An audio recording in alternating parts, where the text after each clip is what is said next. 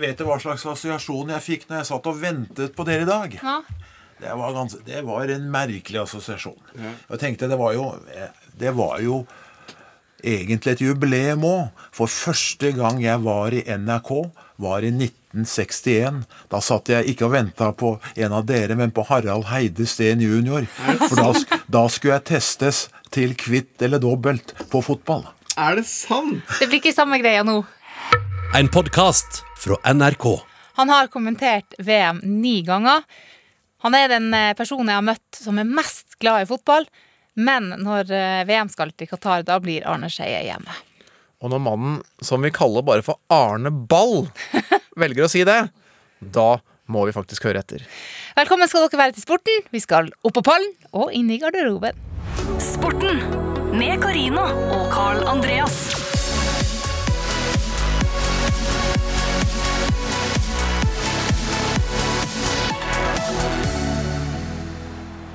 Bjørneby. Fin ball. Og vi har folk foran mål. Og vi har folk foran mål, og vi har avslutning! Ja da! Skåring! Vi har skåret i Marseille! Vi har skåret mot Brasil! Vi har skåret mot Brasil! Jeg tror det ikke. Vi ligger under, og vi skårer! Vi skårer ved Tor André Flo. Og Kjetil Rekdal fra Han skårer! Norge leder 2-1! Norge leder! Viva la Norvège! Allé Norge! Kjetil Rekdal og alle hjemme. Jeg har ikke opplevd maken! Og dette mener jeg fullt hjerte. 2-1 til Norge. Åh. Altså, jeg, altså, jeg kan ikke beskrive hvor deilig det er å starte en sending med, med gåsehud der i studio. Så jeg er, jeg er, jeg er nedenfor Prost Bloms gate, jeg nå. Nede på Ja. Stadion. Hos Martin, nede i kjelleren. Brasil mot Norge, og vi vant.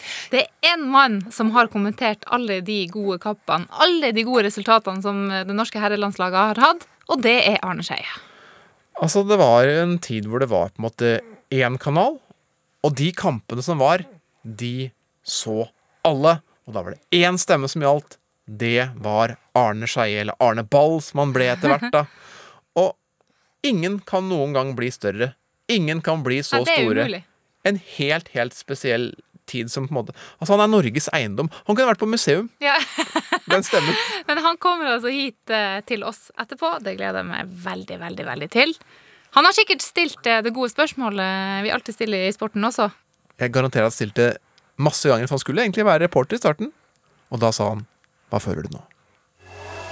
Hva føler du nå? Og det er en skandale! Det er fiasko! Og da kommer tårene! Hva føler du nå? Ja. Her er det mye å ta tak i, si. Altså, det er mye å, å ta tak i nå, og, og, og vi kunne egentlig snakke om eh, 15 forskjellige ting. Men det er én ting som er så stort, både i sportsverden og i serieverden, som vi vet at du liker. For det som er i ferd med å, å, å skje akkurat nå, at det er noe spesielt med motorsport og fedre og sønner. I Formel 1, som er på en måte det røffeste av alt, så er det en historie med det der. Altså, Mange vil nå kjenne ulike navn, for det kommer fra litt sånn forskjellige generasjoner. Men jeg kan si Graham og Damon Hill. Kekke og Nico Rosberg. Johs og Max Verstappen. Gilles og Jacques Villeneuve. Mario og Michael Andretti. Dette er altså sønner og fedre som gjort det kjempebra i Formel 1, men nå skal sønnen med den verste jobben av alle disse her i gang for Mick Schumacher. Sønnen til Michael Schumacher. Han skal nå få kjøre sitt første løp for Has, det amerikanske laget. Kan du tenke deg Altså, noe vanskeligere? Den, den prestasjonsangsten han må kjenne på. Altså, Den må bare være helt utrolig. Men dette, altså, dette er et fantastisk motorsporttalent. Han har gått på Ferrari-akademiet, han har uh, vunnet Formel 2, han har vunnet Formel 3. Eller som du sa, da, Formel 1 2. Men man sier Ikke avslør det. Nei, man sier som var Formel 2. Eh, altså han, han er jo en kjempetalent, men det som gjør at han får muligheten nå, det er at eh, det Has-teamet har hatt så eh, dårlig økonomi. De måtte bare starte helt på nytt. De har kasta ut begge førerne sine og kjører to liksom, unge førere inn. Det er veldig utradisjonelt.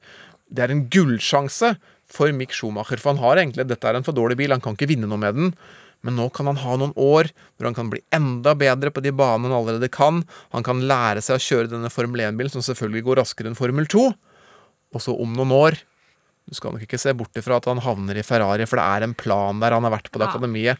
Og den, som- grunnen til at dette her bryr, bryr så mange mennesker, er at serien som akkurat nå er den mest sette av alle serier på Netflix, det er Drive to Survive, en serie om Formel 1-sirkuset. Den har jeg hørt er ganske rå.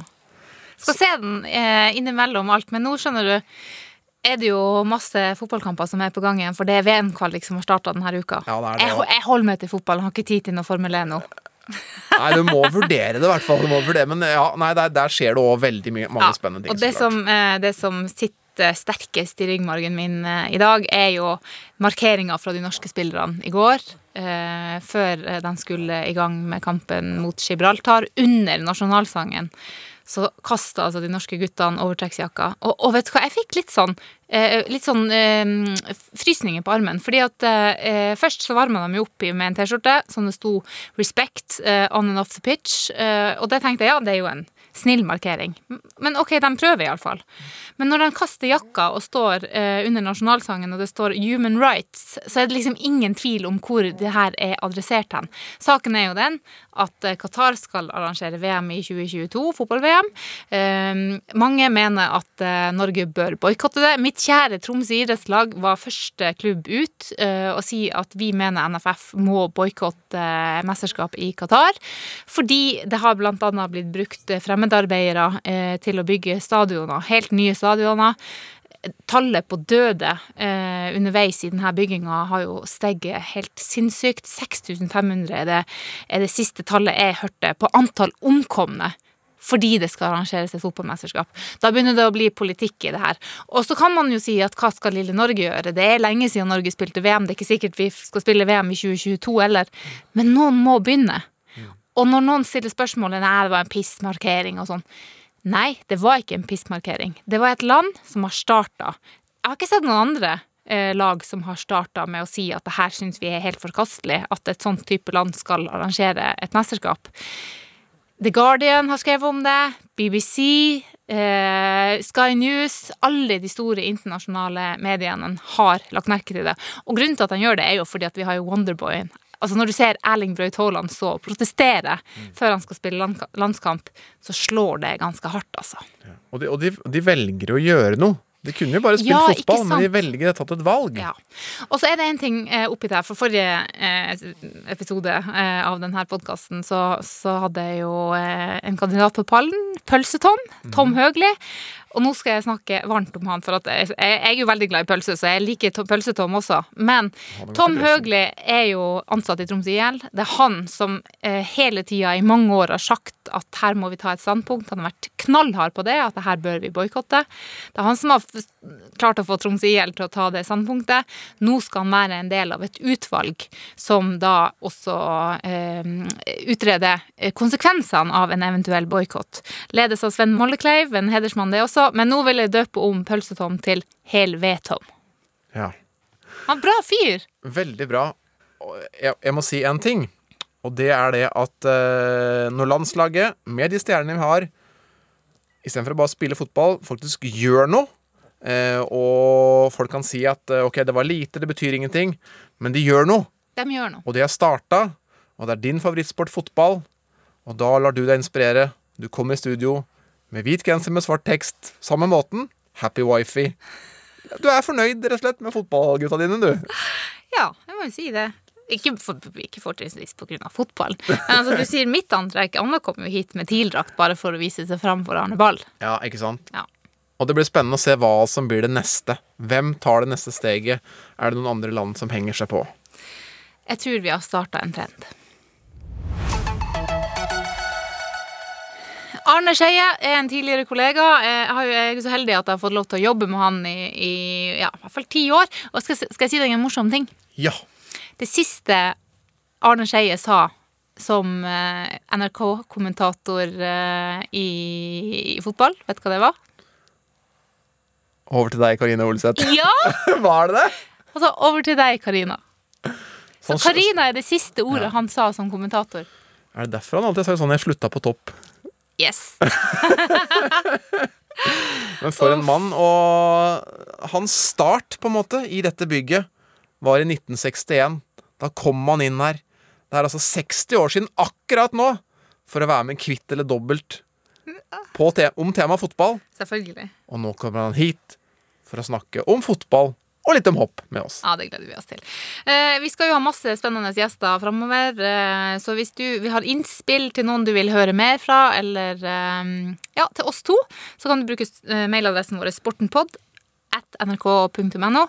Eh, jeg har fått post et annet sted også, i innboksen på sosiale medier. For det var jo sånn at uh, du nevnte en favorittalpinist her for en stund siden. Hansi Hinterseer, som eh, du mente var en av tidenes uh, alpinlegender fordi han, uh, han har gitt ut sånn smørsangerpop. Ja. Ja. Jeg fikk passet mitt påskreven, for han er visstnok stor. Han er stor! Ja.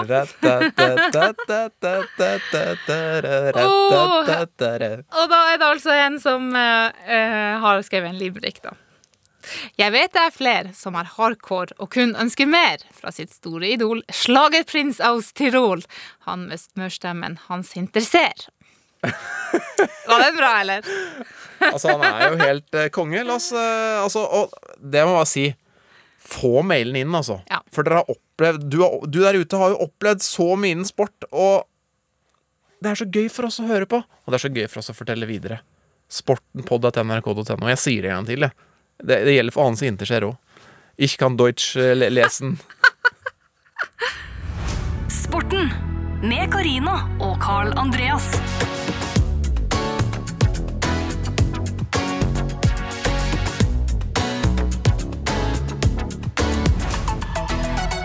En ny kvalik er i gang for herrelandslaget, og for oss eh, som har opplevd at Norge har spilt et mesterskap, så er det én mann som eh, knyttes tett til det. Til den opplevelsen det var Norge var en del av både verdensmesterskap og europamesterskap. Arne Skeie, her er du. Her er jeg. Hyggelig å bli invitert. Hvordan har du det? Jeg har det veldig bra. Du, Vi går rett på sak, for i går så begynte VM-kvaliken til VM i Qatar, og, og det var første kampen til Sol, Ståle Solbakken. Hvordan syns du de eh, så ut?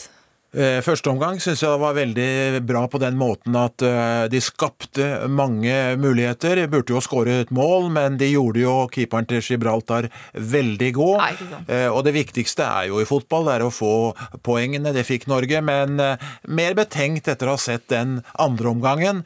Den ga vel ikke altfor mange svar foran neste kamp nå mot Tyrkia og Montenegro. Det er noe sånn Jeg vil bare si det at eh, Arne vil jo alltid si Arne Skeie vil alltid si at han, er en, han var en fotballkommentator og ikke en fotballekspert. Men det er klart du har jo lært fryktelig mye om fotball opp igjennom. Så bare for å liksom tydeliggjøre dette her for, eh, for yngre lyttere også. Arne Skeie er jo Når jeg kom til NRK eh, og skulle være journalist, så var det på en måte stort å få møte selveste Ja, ja, ja. Arne Skeie, som har altså kommentert for NRK omtrent så lenge NRK har, har eksistert. Men så skal det også sies at det er jo ikke alle som vet hvem Arne Skeie er. På det, ingen måte. Da jeg kom i dag til NRK, skulle gjennom resepsjonen, så ble det da spørsmål fra mannen i resepsjonen. Hva heter du? Og sa jeg navnet mitt. Kan du være så snill å gjenta det? Hva var det du sa? Jeg heter Arne Skeie. Så det, nei, det er jeg full forståelse Nei, for. det er ikke så lenge du slutta her. Nei, det er ikke det, men sånn er det. Eh, Noen er interessert i TV og eh, idrett, andre er det ikke. Det har jeg full forståelse for. men for oss dette er en, Ja, ja, ja. det- Altså, og dere der ute, altså, det, er en, det, er en, det er rett og slett en legende innen, eh, innen kommentering og innen TV-fag vi, vi har med oss i dag. Så nå skal vi bare lytte, rett og slett. Ja. Nå må du kanskje hjelpe litt til her. Jeg har nemlig eh, lest meg da fram til at i OL i Sapporo i 1972 så gikk alle konkurransene ble da vist i redigert opptak. Det var ikke så mye live den gangen, bortsett fra én ting, og det var hopp stor bakke. Og da var det den, øh, den gang ferske Gunnar Grimstad som skulle kommentere det hopprennet der. Og så var det bare det at det blåste så mye i Japan at alle så at vinden påvirka rennet. Unntatt Gunnar Grimstad, som har sagt i etterkant til Dagens Næringsliv. Altså En gang innimellom så så jeg på vindflagget, men det sto rett ut, så jeg trodde det var lagd av blekk. og når han kom hjem dagen etter, så sto det 'Norges mest utskjelte mann', og så var det et stort bilde av Gunnar Grimstad. Og året etter så var det du, Arne Skeie, som var hoppkommentator. Ja, det var, eh, eh, det var vel eh, riktig det, fordi at dette var jo i 72, og jeg gjorde min første hoppkommentatorjobb 1.1.1973 i Garmisch-Partenkirchen i den tyske østerrikske hoppuke. Ja. Du havna aldri på førstesida? Ja, det gjorde jeg sikkert, men uh, det- forteller jo litt om den tiden og hvor eh, Med én TV-kanal og hvordan eh, reportere, kommentatorer var i skuddet, og du skal jo aldri du skal jo aldri kødde, som det heter på godt norsk, med idrett og, og sport og nordmenn. Det skal du ikke gjøre. Og du skal ikke gjøre feil. Ja, men for det, det lurer jeg litt på. Du har, du har snakka ganske mange tusen millioner ord i løpet av den karrieren her i NRK, men det er veldig få tabber du har. Jeg har nok noen tabber hvor jeg har sagt at det er 1-1 når det står 1-0, og øh, kanskje tatt feil av en eh, spiller og sånn, men jeg- Det er ikke tabba? Jeg, nei, men var, nei, det er kanskje ikke det, men jeg var, det var jeg helt bevisst på. Hvis du oppdager at du gjør feil, så retter du det. Men mye av dette når, du, når blodet bruser, det oppdager du ikke selv. Så når du kommer hjem og får høre at 'ja, du sa jo det, gjorde jeg det'? Ja. Så Nei, men det, er, eh, det var jo privilegium å få jobbe, men det er jo for alle kommentatorer, og der syns jeg kommentatorene i dag er veldig flinke. Det er helt tydelig at forarbeidet er godt. Ja, ikke sant. Vi har også forberedt oss litt i dag, fordi vi har en fast spalte her eh, i denne podkasten som da heter Pallen. Vi har fire kandidater. Tre av dem skal på pallen, én skal få en sur fjerdeplass. Og i dagens tema så har vi latt oss inspirere av det du har holdt på med, Arne, nemlig Ja, vi skal ha pallen i hopphistorier som har på en måte gjort inntrykk på Karina og meg. Og så skal du hjelpe oss til å finne ut hvem som vinner, og hvem som får den sure fjerdeplassen. Opp på pallen og inn i garderoben. Det her er sporten. Jeg starter også med mitt første forslag. Og dette, altså det er litt, jeg er jo litt rar, Arne. Det, du, Ja, er det så, du ville aldri sagt det, men, eh, men dette her er faktisk det øyeblikk som jeg husker aller aller best som har med hopping å gjøre. Og det er litt sånn prega av at eh, jeg, jeg likte jo sporten, og fulgte, man fulgte med på det som var den gangen. Men så fulgte jeg også med på CNN den gangen, og fulgte med på internasjonal sport. Det var liksom amerikansk fotball, det var eh, basket, NBA, og så det, denne dagen så smelta det sammen, og det skjedde i 1996. Under NM i Kløvsteinbakken i Meldal så skjer det nemlig noe helt spesielt. Jeg fikk faktisk tårer i øynene, så det på kvelden. La oss høre på klippen. Og Kent Johansen skal hoppe i NM. Det er en bakke han liker. Hoppet glimrende her på trening på fredag. Og disse forholdene, det er Kent Johansen-forhold.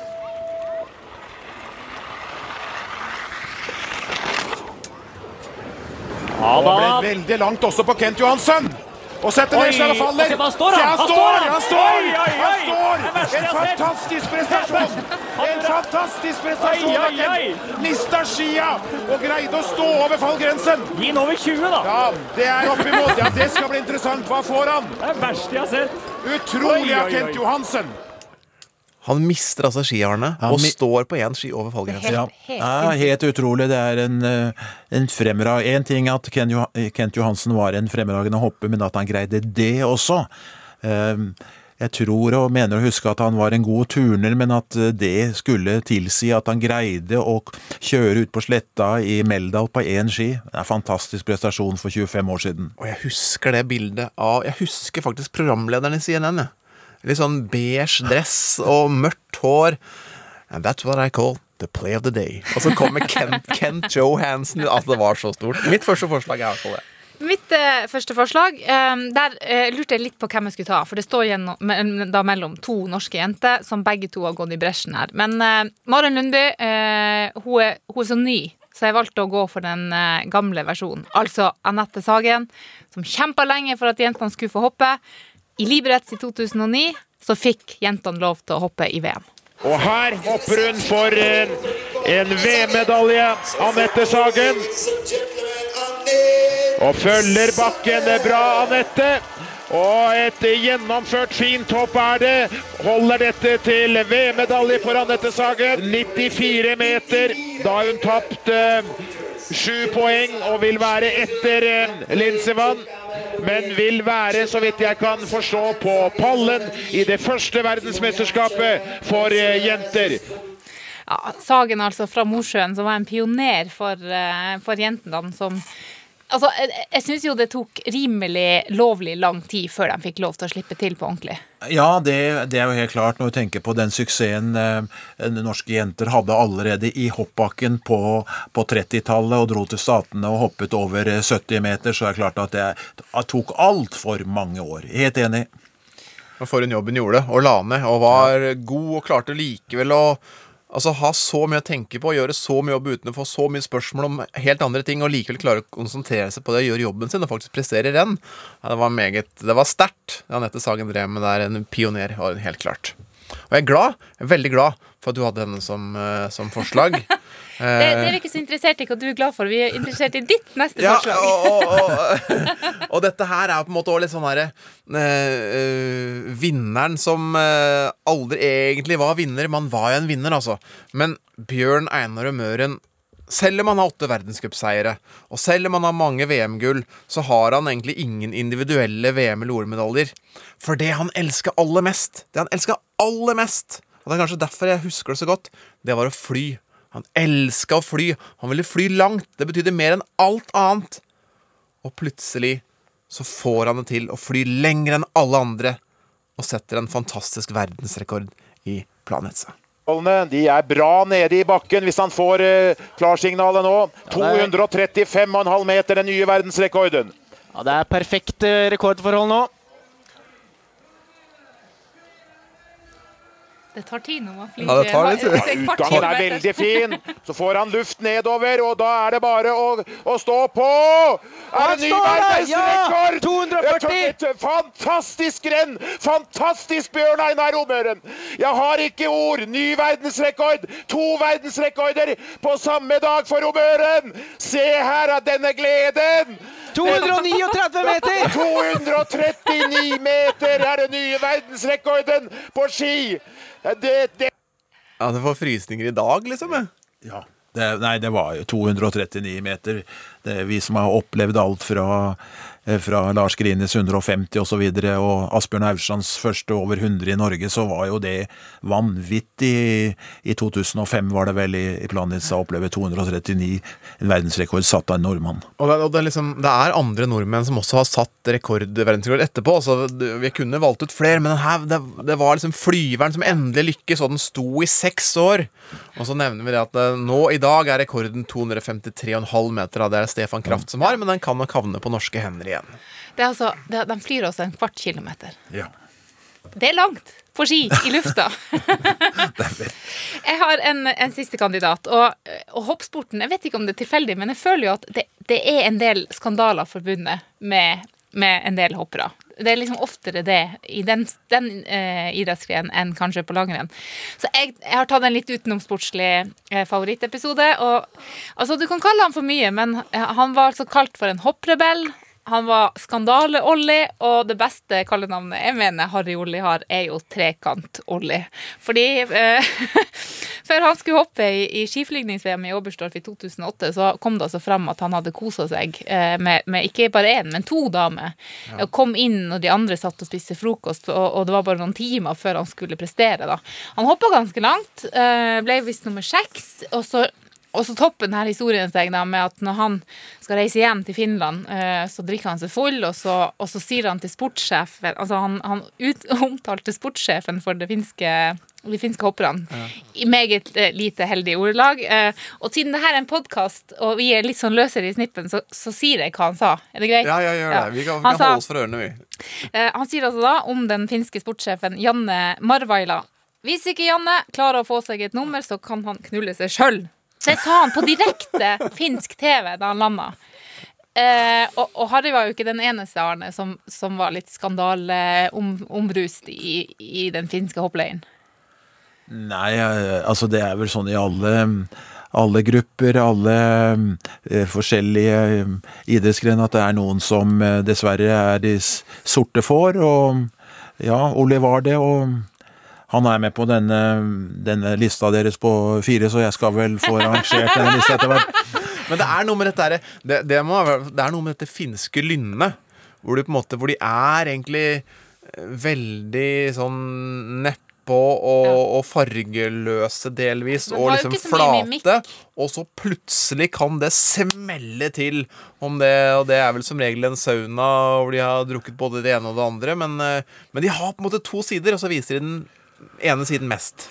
Ja, det gikk jo øh, Når det er relativt øh, løslumpet øh, her, her, så kan man jo ta, ta med en til fra, fra Planica. Det ble jo også sagt at de finske hopperne før før Bjørn Einar Romøren satte verdensrekorden, også hadde vært eh, både i sauna og andre steder, og Jan Anen som hoppet så langt, kanskje ikke var helt sober den dagen. Når du hopper, når du hopper så langt, så blir du vel edru når du lander. Men nå skal vi altså Nå Vi må skal vi her, rangere dette her. Vi skal ha en uh, Altså, av prestasjoner her, så er det jo For meg er det relativt uh, greit å komme fram til fjerdeplassen. Det er Harry Ole. Ja. det, det er ingen tvil om. Så er jeg litt mer tvilende her. Men jeg, eh, jeg eh, I og med at det er i i idretten, så er det jo slik at man skal vinne. Det er tross alt det viktigste. Ja. Eh, Med all respekt for Kent Johansen, så får han bare tredjeplassen. Ja, og det syns jeg, er- jeg synes det også er riktig. Ja, og så når det gjelder førsteplassen, kampen mellom eh, mellom Anette Sagen og Bjørn Einar Romøren, da jeg, gjør, jeg er ikke opptatt av å gjøre noe eh, politisk korrekt her, men jeg setter Romøren på andreplass. Anette Sagen på første, når man vet hvordan Anette sto på, og hva det har betydd for hoppjentene, ikke bare i Norge, men i hele verden, den kampen hun tok fra slutten på 90-tallet og frem til 2009 i Liberets, da jentene fikk hoppe i VM. Og i dag så er det jo åpnet overalt, og det skyldes veldig, veldig mye den kampen Anette Sagen gjorde på den tiden. Mesdames et messieurs, médaillé d'or, Ladies and gentlemen, gold medalist. Det blir Anette Sagen fra Mosjøen med NM-gull hvert eneste år fra 2004 til 2010. Min kandidat for gullplass. Ja, Gullplass i eh, hopphistorier som har gjort inntrykk på oss. Så det synes jeg var litt artig, for nå endte det opp med en duell da mellom Anette Sagen og Bjørn Einar og Møren. Og det ble jo litt kluss der når det skulle hoppes i den nye Holmenkollbakken, og da var det egentlig Sagen som skulle hoppe først. Men så var det Romøren som fikk et treningshopp og endte opp med å bli første hopper. Men nå har hun gjort opp her i denne podkasten Sporten, og ender opp som eh, Ja, med seier. rett og Med seier, Endelig fikk hun seieren. Ok, nå har vi vært inne på hopp. Vi må tilbake til fotballen, Arne. For det Ja. er jo hjertebarnet vårt. Um, du du jobba jo uh, på en tid der det var mange helter, blant annet Tom Lund. Ja. Og vi jobber jo på en tid der vi har fått en ny helt, blant annet Erling Braut Haaland. Ja. Er vi historieløse når vi sier at Brauten er den, den beste Norge noensinne har hatt? Det er det vel ikke. Altså det, men det, igjen, det er veldig vanskelig å sammenligne eh, forskjellige tidsepoker. Reidar Kvammen på bronselaget. Eh, de som spilte på, på 50-tallet, 60-tallet. Eh, Tommy på 70-, 80-tallet og de i dag. Men det er klart at eh, en verdensstjerne som eh, Braut Haaland har vi jo aldri sett som preger eh, alle land i Europa. Jeg gikk gjennom noen eh, nettsider før jeg kom hit i dag, og overalt så er jo Braut Haaland, og det med god grunn, når du ser hva den unge spilleren fra Bryne har prestert til nå. Ja, fordi, altså, De vet hvem Braut er i Argentina, i Brasil om det er, altså Overalt så vet man hvem Haaland er. Ja. Det blir nesten eh, De vet at han er fra Norge. Det blir nesten som Ole Gunnar Solskjær. Alle i verden vet hvem Ole Gunnar Solskjær er, som er interessert i, i fotball og idrett. Og sånn har det blitt med Braut Haaland også.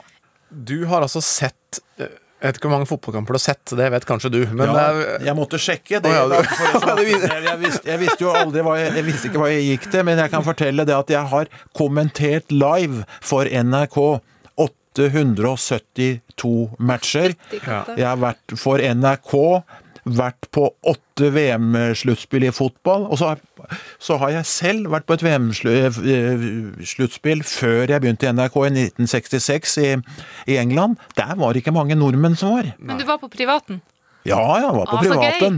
Ja, selvfølgelig. Er du interessert i fotball, og det er fotball-VM i England, så reiser du dit, selvfølgelig. Ja, selvfølgelig. Så, så du har sett noen fotballkamper, rett og slett? Ja, jeg, jeg har Ja. sett relativt mange fotballkamper, det må jeg si. Men det jeg lurer på da For det er på en måte sånn spørsmålet nå, med ny landslagstrener Ståle Solbakken. Vi har på en måte stjerner.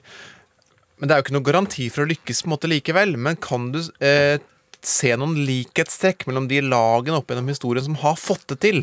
Hva er det de på en måte har lykkes med, og hva er det på en måte Norge må få til for å liksom få at det skal løsne, at vi endelig skal komme til et mesterskap? Går det an å svare på Veldig vanskelig spørsmål, altså.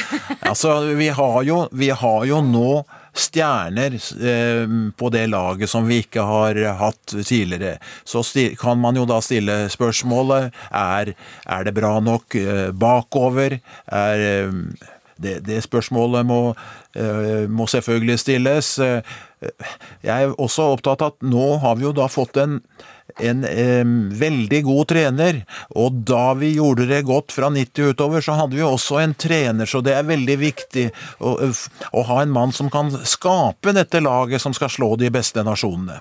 Ja, så det, er- men så er- der er det etter min mening et likhetstrekk. Når man ser på hva Ståle Solbakken fikk til i, i Danmark, og eh, en sammenligning med Drillo, hva han fikk til med det norske landslaget. Så, så det er det det på en måte Det er ikke hva skal jeg si, det er ikke én metode eller på en måte en, Altså, det må Du må la én mann på en måte få holde på med sitt en stund. Det, det tror jeg er riktig.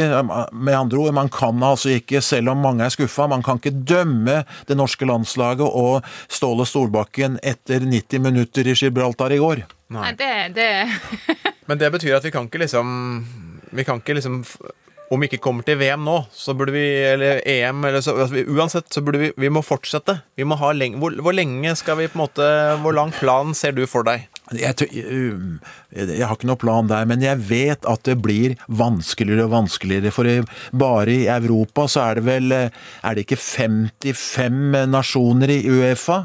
Nå er det altså ni land fra Europa som skal til VM. Da kan man jo tenke seg at det blir ikke noe lettere. Nei. Og denne gangen, så ja, vi, vi må, altså Norge må vinne den gruppa for å gå dit. Kan komme inn noen kvaliker etterpå. Det er jo en nødløsning. Vi må ha både Nederland, vi må ha Tyrkia, ha Montenegro bak oss. En ting er jo å kvalifisere seg, men det snakkes jo også om, om eh, Qatar og boikott. Hva, hva tenker du om det?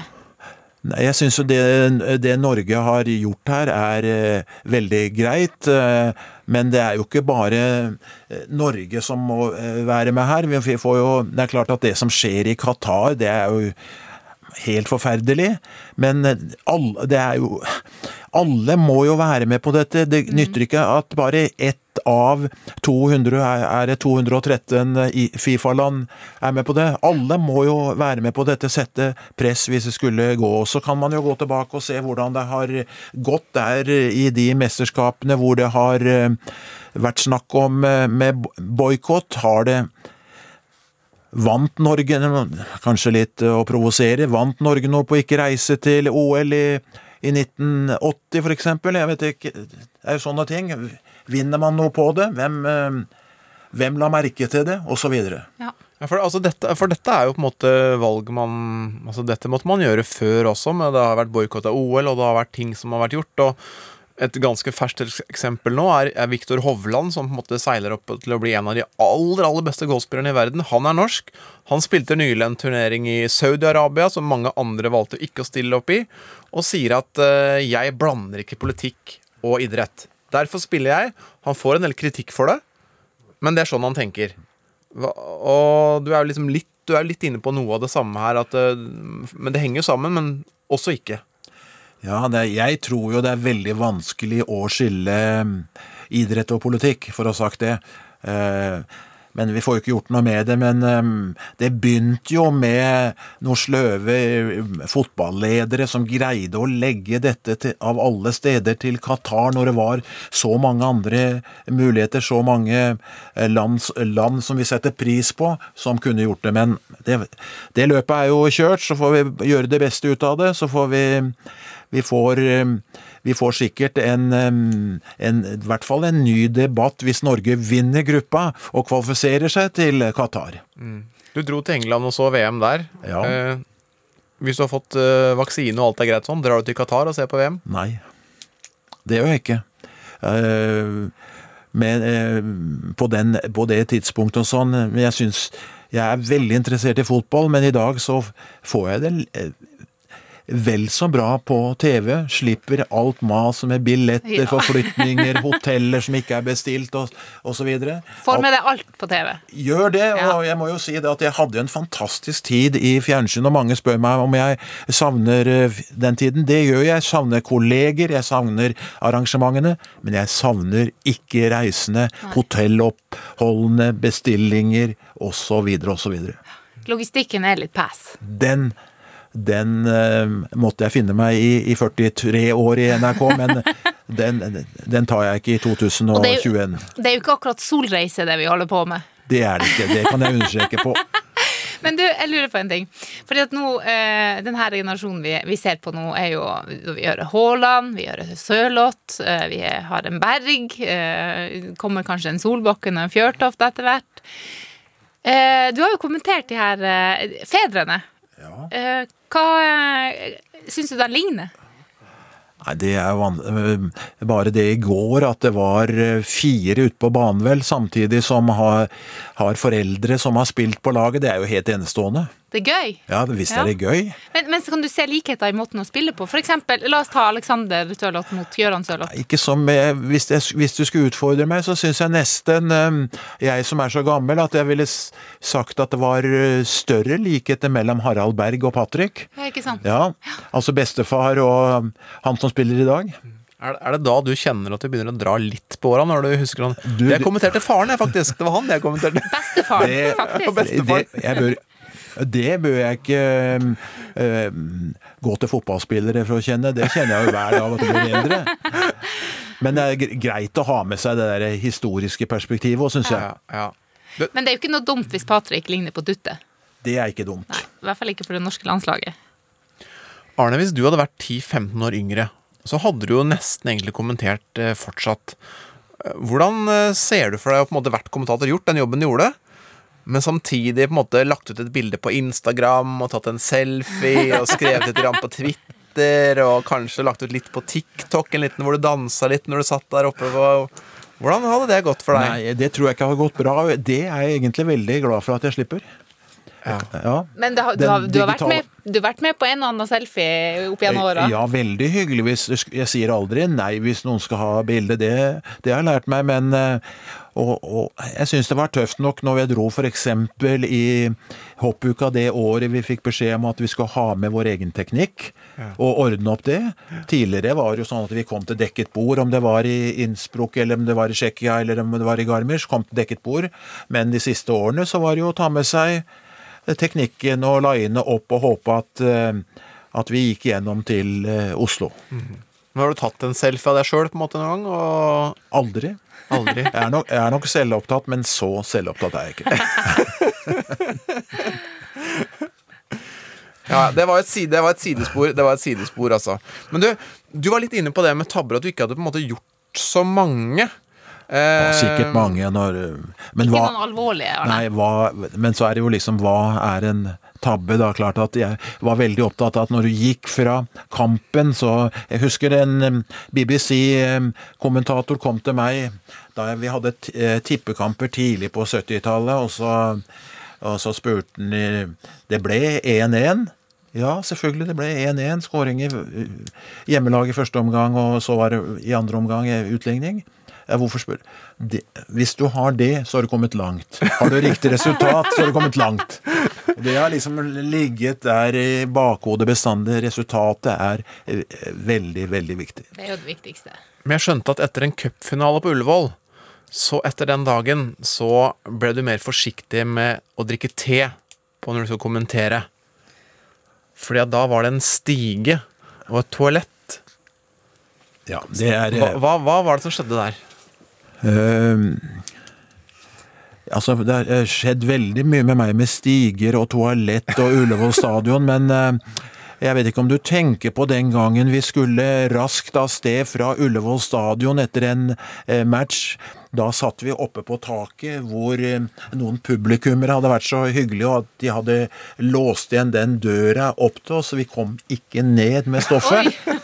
Det er jo en av de opplevelsene jeg aldri glemmer. Det var jo veldig pinlig. Det var jo så vidt vi rakk eh, Dagsrevyen eller Kveldsnytt eller hva det var for noe. Satt på taket, du. Satt på taket, og der burde jeg kanskje vært, men eh, jeg kom nå ned til slutt, da. Og det var vel gamle, gode Nikken Johansen, generalsekretæren, som kom og låste opp for oss. Det var, det var veldig pinlig. og så husk på, vi, jeg, hadde jo tippekamper i England på 70-tallet, og de banene, de, de var jo ikke i nærheten av sånn det var i dag. Vi klatret med tau på Crystal Palace for å komme opp til eh, kommentatorboksen.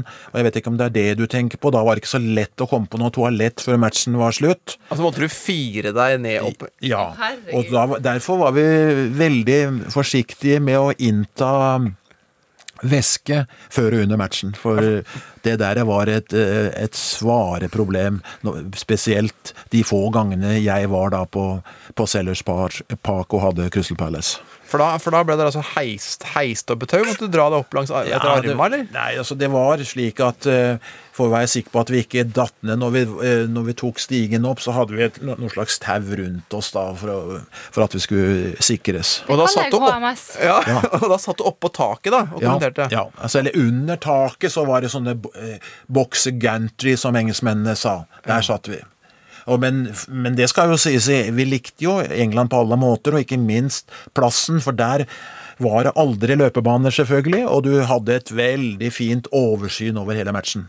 Du kom høyt og hadde kunne se absolutt alt. Det var ikke så lett bestandig når man var, ja, var inne på Italia. Der husker jeg i, i Torino, den nye banen der var helt forferdelig med løpebaner og satt langt, langt unna. Hva syns du om den banen i, i London nå som, eh, som er løpebanen? Olympiastadion. Nei, den eh, Jeg skjønner ikke at eh, Westham greier den, men det har jo blitt sånn, da, at Westham må spille der, og eh, Når det er fotballbane, så bør det være fotballbane, og ikke åtte baner for friidrett. Ja, det skjønner jeg. Jeg husker ikke dette her, men jeg syns det var artig når jeg leste det. Eh, og at det var et, eh, et nyttårshopprenn hvor det endelig på en måte, løsna for eh, Espen Bredesen, hoppa veldig bra. Og du og kommentatorkollega Jon Hervik Karlsen var kjempefornøyd. Ja. Men det var ikke dere som hadde kommentert andre omgang for det norske Nei. folk. Hvem Det- var det som måtte gjøre det? Det er jo en av de morsomste for jo, øh, jobbene jeg gjorde sammen med Jon Herve Karlsen. Det var i 96, helt riktig. Og det som var spesielt i det rennet, det var at Espen Bredesen hadde hatt en dårlig øh, første omgang og hoppet seg nesten opp. Han ble vel nummer to, så vidt jeg husker, etter østerrikeren Schwarzenberger. Og øh, vi, vi kommenterte jo da eh, andre omgang, og da vi var ferdige, så var det high five. Vi var veldig fornøyd, for vi var i 100, og vi sa til oss, vi sa til hverandre selv da, det er den beste kommentaren vi noensinne har gjort, og det står vi jo på. Men nedturen var enorm da Halloman kom på øret og sa gutter, dere har ikke vært på i annen omgang. Og hvem hadde da kommentert Nei, det- omgangen? Det var, jeg tror det var Hallomann som satt her. Husk på, dette var, dette var altså første nyttårsdag, så det var ikke, var ikke kalt inn folk da. Nei, det er riktig. Det var han var Og så ble det- ter Terje Sølsvik. Tøl- Ter- Terje Sølsnes. Sølsnes, ja. Hallomann kommenterte hele andre omgang. Ja, men så var det, det morsomme her er jo det, det lever vi godt med, Jon Hervik og jeg. Det viste seg at i annen omgang så gikk seertallene opp. Men det, jeg kan, det, det alle vet, er jo at dette er første nyttårsdag, og det gjør det jo hvert eneste år. Ja. Det kommer jo veldig, veldig mange til i annen omgang som ikke orker å være med fra begynnelsen. Nei, det. Hvor, hvor langt har du hoppa selv? Ti meter. For du har prøvd å hoppe? Ja, alle, altså da jeg vokste opp i Skedsmo, så var det jo sånn at alle hoppet på ski. Det var vel først i 19... Nå håper jeg ikke noen eh, tar meg på det. Det var vel først i 19- 1960 at langrenn eh, ble frigitt på den måten. Inntil 1960 var det stillangrenn. Så det, alle, alle gutter hoppa jo Ja. Det var jo guttenes Holmekoll eh, hopprenn i Bekkelagsbakkene hadde jo hundrevis av deltakere, og det var deltakere rundt i hele landet. Men jeg var, eh, var en pyse der. Da det ble opp, måtte opp i stillas, så mm, turte jeg ikke å krabba ned, og krabba heller opp på dommertribunen. Og begynte å dømme relativt tidlig. Så noe hoppkarriere har jeg aldri hatt, og det skryter jeg ikke på meg. Nei, så hvis du ga det allerede på ti meter, så ble du dommer allerede i tiårsalderen nesten, du da. Ja. Nei, faren min var eh, eh, leder, eh, formann i skidommerlauget hjemme i, på Romerike, så jeg var jo med han veldig mye tidlig, da, og var veldig interessert den gangen i å dømme og regne ut og sånn, så jeg var vel eh, 16-17 år da jeg ble offisiell, eh, offisielt utnevnte kretsdommer på Romerike. Det var stort. Hva med fotballkarrieren din, da? For det vet jeg jo heller ikke noe om. Altså, ikke- hvor, ikke noe- har du spilt fotball? Ja, selvfølgelig. Det er ikke noe Alle har jo spilt fotball. Det er ikke noe å vite noe om den. Den var ikke, den var ikke noe stor. Jeg var eh, Jeg spilte for Skedsmo. Ødela meg da jeg var 17 år, og etter det spilte jeg ikke noe mer. Hva, hva ødela deg? Kne. Ja. Slo kne ut av ledd, og det var ganske ubehagelig. Og da, da la det opp på flekken? Ja, det er mer eller mindre. Det var eh, Den ville ikke ha den opplevelsen en gang til. Det var fryktelig. Men vi er jo veldig glad for at du havna der du havna, da. Det, for oss var jo det det beste. Ja. ja Så Nei, det var jo var ikke så lett å konkurrere, for de hadde jo veldig gode, mange, eh, gode spillere i Lillestrøm og Strømmen den gangen. De var jo i hovedserien, begge lagene, så Vi skal, vi skal ikke prøve å gjette nå, Karina, på, på hva slags type fotballspiller Arne var. Altså, hvis du vil føle Nå, Se han, se han for deg nå inn i øynene, og så og skal du tenke hvor på banen og hva slags type spiller Arne var. Jeg, altså, Vet du det? jeg, altså, jeg har jo jobba så mye med Arne, så jeg vet jo hva slags lagspiller han er. Så jeg vil jo, jeg vil jo tro at du var playmaker. Jeg tror at Arne var eh, Var eh, Jeg tror du var forsvarsspiller, altså. Høyrekant. Høy, høyre, høyre bak. Den gangen så var det jo to bekker, en senterhaf, og så var det to såkalt hafer, og så var det fem fremover. Så jeg spilte senterhaf. Men når Ja, det, send det, ha, send det. Men når det er når det er sagt, hvis jeg nå etter 50 år skulle vurdere min egen innsats da, så vil jeg si følgende. Jeg hadde eh, Jeg var taktisk god, jeg var teknisk god, men jeg var altfor treig. Ja. Ja. Var altfor treg, så jeg var- kunne aldri i dag blitt, eh, og uten å ha ødelagt meg, kunne aldri blitt noen fotballspiller. Det er jo, Jeg mener jeg er ganske ærlig Derfor etter hvert så blir jo folk slik at uh, de blir bedre og bedre, men jeg blir dårligere og dårligere. Jeg var altså jeg var ganske eh, teknisk god, eh, taktisk som sagt, men eh, det gikk altfor seint. Det var det med den løpebanen. Hadde du spenst, da? På Nei. Nei. Du burde drevet med dart, du, da. Jeg burde nok ha gjort det. Men du vet, igjen da, alle skulle spille fotball, og de fleste skulle da prøve seg på ski, og de skal hoppe på ski. Arne, det har vært en, en sann glede å ha deg her. Siste spørsmål. Kommer vi til VM i 2022? Jeg håper det, men eh, jeg er, bestand, jeg er født tvilende, så jeg tviler, men håper. Det gjør vi også. Kan jeg få spørre om en ting på slutten? Jeg vet jo du ikke har forberedt deg. Men vet du hva som eh, Det første målte skihoppet man har opplysninger om, vet du hvor langt det var? Og når det var? Ja, det var vel eh, Eidsberg i 1809, vil jeg tro. Og det var i Eidsberg tidlig på 1800-tallet, og jeg tipper det var ni meter. Det er, det er helt sykt. du kan ikke sette Arne på plass. det er helt sykt. Det er riktig, det var i Eidsberg. Det var riktignok 1808, men du skal, det er innafor feilmarginen. Uh, hoppet målte 15 alen, som er 9,5 meter, så du får helt riktig på det også. Uh, det var en nordmann. Uh, du har godkjent også, men du skal få sjansen til å ta navnet hans òg. Det burde jeg husket, men det Ja, er selvfølgelig burde du huska det. Soleklart. Men nei da. Tror, det begynner på skal vi, Du skal gjøre som med mine barn, da. Du begynner på O. Ol Olaf Ja, du får godkjent. Olaf Rye Eidsberg, Ja, det burde, 1808. ja, kjent eh, militær burde husket det, selvfølgelig. Ja, ja, selvfølgelig. Vet du hva, det der var uh, terningkast seks på den altfor vanskelige quizen som selvfølgelig du klarte. Veldig hyggelig at du var her, Arne. Veldig hyggelig for å komme. Jeg er så fornøyd for at jeg har fått lov til å jobbe med Arne Ball. Helt eh, rå fyr. Det er så gøy å være i nærheten av folk, for du liksom blir så inspirert. Ja. Og, og jeg blir jo lett inspirert av, eh, av veldig mange. Vi hadde jo Lukas Bråten som gjest, og han var jo liksom glad i smykker og sånn. Armbånd Nå trodde jeg du skulle si at du hadde begynt å danse samba. Ja, da, det kunne jeg gjort, altså, men du vet, jeg smykker igjen. Jeg har jo vært litt på det kjøret selv Ja. og sånn.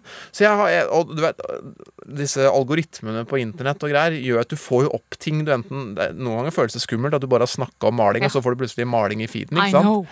Så jeg plutselig får jeg opp ting eh, i feeden min, og jeg får opp ting om et tennisarmbånd. Tennis bracelet, som det heter på engelsk. For det viser seg det at i US Open-finalen i 1987 så er det Chris Evert, en av de største kvinnene som har spilt tennis noensinne.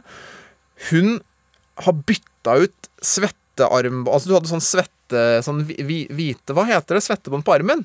Ja. Hun har bytta ut det med sånn diamantarmbånd. Oi. Og så oppdager hun under matchen at armbåndet hun har tatt på seg, er blitt borte.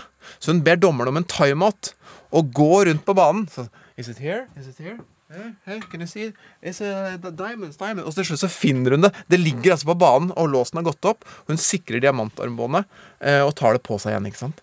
Etter det, selvfølgelig, så blir det da kalt tennisarmbånd. Det er altså sånn med diamanter på, og dia diamantene er runde, så det ser liksom ut som tennisballer. Ikke sant? Jeg har aldri hørt om det før. Det må jo koste en formue. Så kommer det. Nå er det lagd en remake, og det kalles bare tennisarmbånd. Eller tennis bracelet. Så jeg, jeg ble inspirert av Lukas Bråten. Gikk inn for å sjekke hva er det noen fine som jeg liker. Du skal ikke ha det. Og så, og så var de veldig sånn jentete, mange av de. Å, Men ett var Hør nå. Og ett var sånn Det var jævla kult. Liksom, det, var sånn, det var liksom gullaktig, men så var det sånne oransje rundinger, på en måte. Eh, så, så det så det kunne, det kunne se litt sånn mannlig ut, Ja. men det sto ikke noe pris. Og det sto ikke hvor du kunne kjøpe det, men det sto 'send mail', så jeg sendte mail. Uh, og lurte på det. Syntes det var kult. liksom, hva, hva koster det, hvor kan jeg kjøpe det? Så fikk jeg svar på mail om dette tennisarmbåndet. Hei, Klan Andreas. Disse armbåndene kan du kjøpe her i butikken. Nå kommer du til å skjønne før meg at dette går galt. De er i 750 karat gult, gult gull, og med oransje safirer koster dette 49 900. Ha en riktig fin weekend med med vennlig hilsen Nina. Altså, her, her, her, er det, her er det to ting. En øh, At du i det hele tatt har lyst på et sånt armbånd. Kona mi slakta meg. Ja, og, og, og det, det, det var det som var mitt poeng her. Du skal være glad du er gift. For hadde, hadde noen jenter møtt en, en mann med et armbånd, pyntearmbånd, til 50 000 kroner jeg jeg, eh, jeg hadde, Du hadde vært sjanseløs. Jeg hadde ikke kjøpt det uh, til den prisen. Det må jeg bare Men du hadde si. kjøpt det hvis det hadde vært jugel til 200. Nei, men vet du hva, det var ganske kult, altså. Men altså, tennisarmbånd Nå, har du, nå, nå vet du at det fins. Nå vet jeg at det fins. Det blir ikke noe julegave under mitt juletre. Nei, jeg må nok spare en del juler fram Ja. før det eventuelt kan ligge der. Ja, ja. Uh, jeg har lyst Jeg har en innrømmelse å komme med. Ja. Jeg, har, jeg har vært utro. Oi! Ja, Har du lagd podkast med noen andre? ja. I helvete. Fordi det er nemlig en ny sånn humorpodkast i NRK som heter Teige lydstudio. Har du vært innom det? Nei? Men uh, der har jeg vært på besøk. Eh, jeg har eh, vært deltaker i en debatt ledet av Bernt Hulsker. Som eh, da har en sånn fotballfilosofi-variant. det er altså en sketsjepodkast, så det er bare tull, men likevel ganske morsomt. Det fine med den er at episodene er ganske kort, så du kan høre det på f.eks. mens du triller i barnehagen eh, for å hente ungene. Anbefales. NRK-appen på, eh, på nett. Alle podkaster med deg er jævlig bra. Jeg vil jo si det. det leveres. Du, eh, produsent i dag har vært Geir Elle. Ja. Teknisk ansvarlig har vært Ida Varald Brenna. Bra folk. Hel ved-folk. Hel, akkurat som Pølse-Tom. Akkurat som pølse. Pølse-Ida og Pølse-Geir. Og... Det blir mye pølse her. Godt til påske snart, si. Men vi er tilbake i påsken også. Da kan du nyte oss til appelsin og til Kvikk Lunsj. Og til det du ellers måtte ha i påsken. Du må være hjemme, i hvert fall. Det er det eneste. Ha det. Ha det. Du har hørt en podkast fra NRK. Hør flere podkaster og din favorittkanal i appen NRK Radio.